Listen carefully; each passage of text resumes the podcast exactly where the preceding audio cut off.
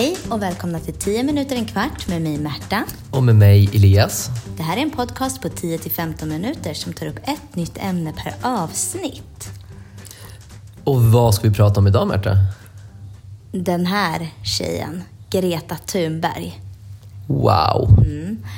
Hon heter Greta Tintin Eleonora Ernman Thunberg och föddes i Stockholm den 3 januari 2003. Och hon är en svensk aktivist i klimatfrågan. Ja, och hon är så cool också. Mm, det kan man lugnt säga. Och det är därför som vi ska prata om henne idag. Vad kul. Och det första man måste säga är ju ändå att när man ska prata om någon som har slagit igenom snabbt så kan man absolut eh, verkligen prata om Greta Thunberg. Och vet du hur hon började sitt klimataktivistarbete?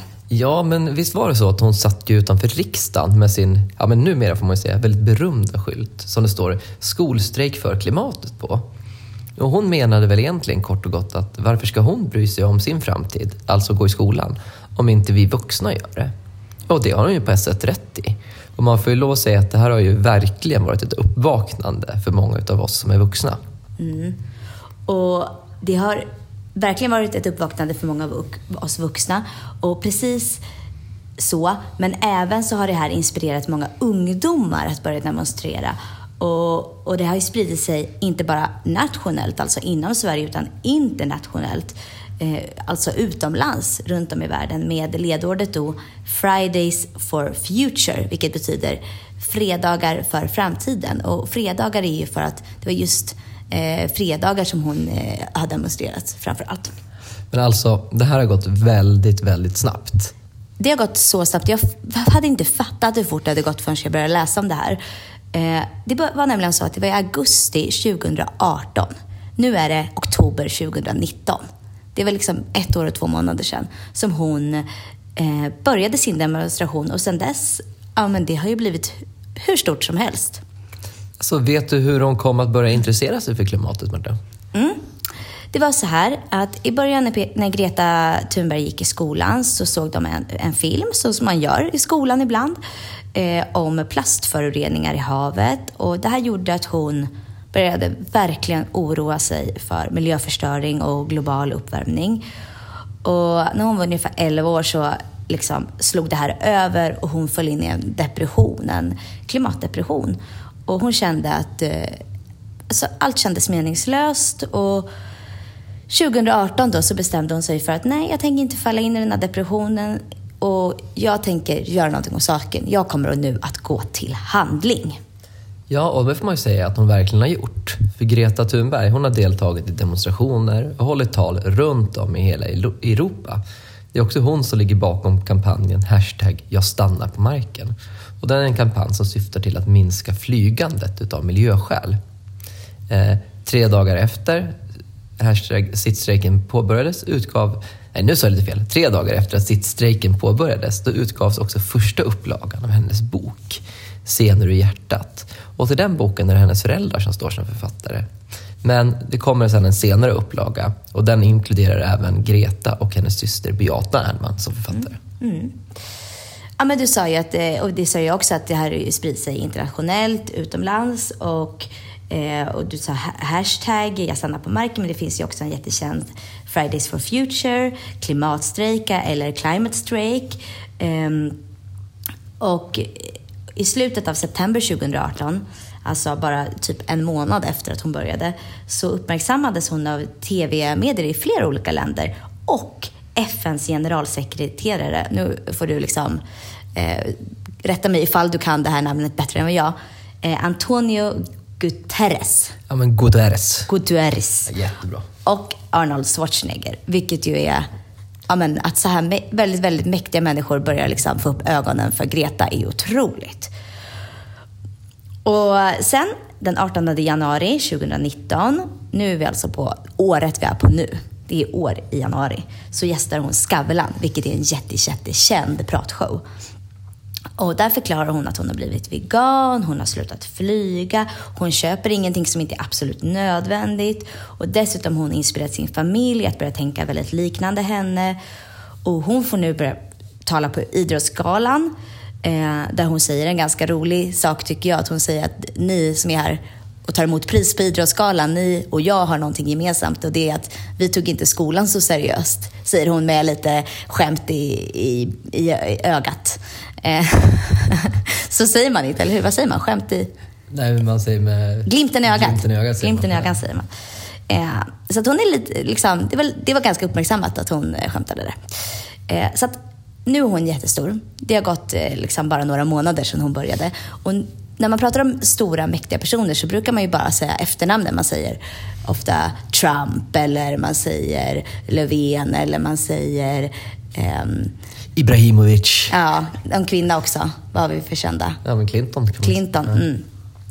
Ehm, och så nu byter vi. Nu säger vi inte Greta Thunberg längre här i podden. Vi säger bara Thunberg. Uppfattat. Bra. Ehm, och i maj 2019 så ger hon ut sin bok No one is too small to make a difference. Och den består av 11 tal som hon har framfört och som handlar om global upp, eh, uppvärmning och klimatförändringar. Och den 28 juni i år, alltså 2019, då fick hon bland annat eh, tala om eh, miljö och klimatfrågor med den kända amerikanska politikern Alexandra Ocasio-Cortez över en videolänk. Och det här samtalet det publicerades sen i The Guardian i Storbritannien. Och The Guardian är, jag tror, en av de äldsta och mest respekterade tidningarna i hela Storbritannien. Och redan i juli samma år så meddelade Greta Thunberg att hon skulle... Thunberg. Meddelade Thunberg, ja exakt. Att hon skulle resa över Atlanten mot Amerika i en segelbåt istället för att flyga. Just det. Mm. Och bara för att liksom understryka hur liksom mycket hon gör och hur snabbt allting går. Så innan hon seglade iväg på den här seglatsen så deltog hon först i Fridays for Futures sommarkonferens i Lausanne. För att sen direkt tillsammans med sin pappa Svante Thunberg avsegla från Plymouth i den här segelbåten. Eh, Och det tog ungefär två veckor innan de nådde fram till New York. Just det. Och väl fram i USA, vet du vem hon träffade då? Är Obama. Självklart är det Obama. Där fick hon träffa USAs tidigare president Barack Obama i Washington för att prata lite om klimatfrågan. Vilken ära för honom att träffa henne känner jag. Ja men verkligen, verkligen. Men det finns en hel del kritik mot eh, Greta faktiskt. Och den här kritiken kommer oftast från oss vuxna. Och jag vet faktiskt inte varför. Och jag skulle gärna vilja att du Elias som är en inbiten Marcus Oskarsson-kännare, fantast kanske, kan citera någonting som han skrev om det här som var väldigt ja, men vettigt. Varsågod. Ja, men Marcus Oskarsson är ju en politisk kommentator och han skrev på sin Facebook-sida ungefär så här. Att Greta, hon är inte bara på väg att bli den mest kända och mäktigaste svensken som vi har idag. Utan hon är faktiskt på väg att bli en av de mest kända och mäktigaste svenskarna någonsin. Och det spelar ingen roll vad vi tycker om det, för så är det bara. Och då spelar det ingen roll om det sitter en herre X och tycker, för det är oftast en herre, alltså en man, i den svenska orten Y, att så fort som Greta kommer på tal eh, så framhåller man att hon borde stanna hemma i Sverige och gå i skolan som alla andra. Och helst ska hon bara hålla tyst. Håll klaffen och sitt still, vet hut. Sen lägger herre X ofta, ofta till att hon är inte riktigt frisk, att hennes föräldrar inte är det heller och att det är någon PR-byrå på en bakgata i Stockholm som ligger bakom allt och att någon vuxen talar om för henne vad hon ska säga. Eh, så skriver Marcus Oskarsson. Eh, och sen så fortsätter han. Och fall det är så då, i sådana fall, snälla, kan inte någon be en vuxen tala om för mig vad jag ska säga? För om det är så enkelt, då borde ju vem som helst kunna fixa det här. Eller är det helt enkelt så att Greta, eller Thunberg då, är helt flipping otroligt framgångsrik och dessutom inte ens gör det här för egen vinnings skull? Just det där sista tycker jag är extra. Att det är så här, okej, men låt någon vuxen säga till mig så kan jag få bli så här framgångsrik. Nej, det, det här gör hon av egen kraft. Det är hon som, bara, bara Thunberg som ska få äran för all, liksom, allting som kommer hända av det här för vår, vår jords skull. Det är bara Thunbergs eh, eh, som, och alla andra ungdomar som kämpar för det här. Det är inte vi vuxna som kan ta åt oss någon ära den här gången. Och nu ska jag säga sista. Det är att i mars 2019 så nomineras hon till Nobels fredspris och det är ju väldigt rörande och fint. Det är väldigt, väldigt stort. Och bara för att återigen visa på hur stor Greta är så kan man ju tillägga att Greta i sociala medier, eller på Instagram, Thunberg. Ja, att Greta Thunberg... Bara Thunberg. Bara Thunberg. Thunberg har på, i sociala medier. Hur många följare har hon på Instagram, Märta? Just det. Det var ju det vi precis kollat på. Hon har ungefär 7,5 miljoner. Och för att jämföra det med Bianca Ingrosso då, som många av er kanske följer eller i alla fall känner till, så har hon en miljon. En miljon på Bianca Ingrosso som är en jättestor influencer. Thunberg har 7,5 miljoner. Det är otroligt. Det är otroligt. Det är otroligt och det är otroligt många fler följare. Det är otroligt många fler. Ja. Det tänkte vi sätta punkt för den här podcasten. Och vi som har gjort den här heter Elias och Märta och den här podcasten är gjord i samarbete med vikarielärare. Till den här podcasten finns det massa arbetsmaterial som ni kan använda er av innan, under och där ni lyssnar på podcasten. Arbetsmaterialet kan ni hitta på vår hemsida på www.vikarielärare.se.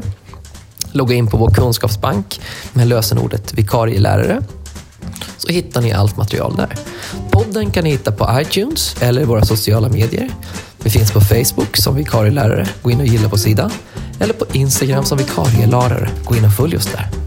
Tack så mycket. Hej!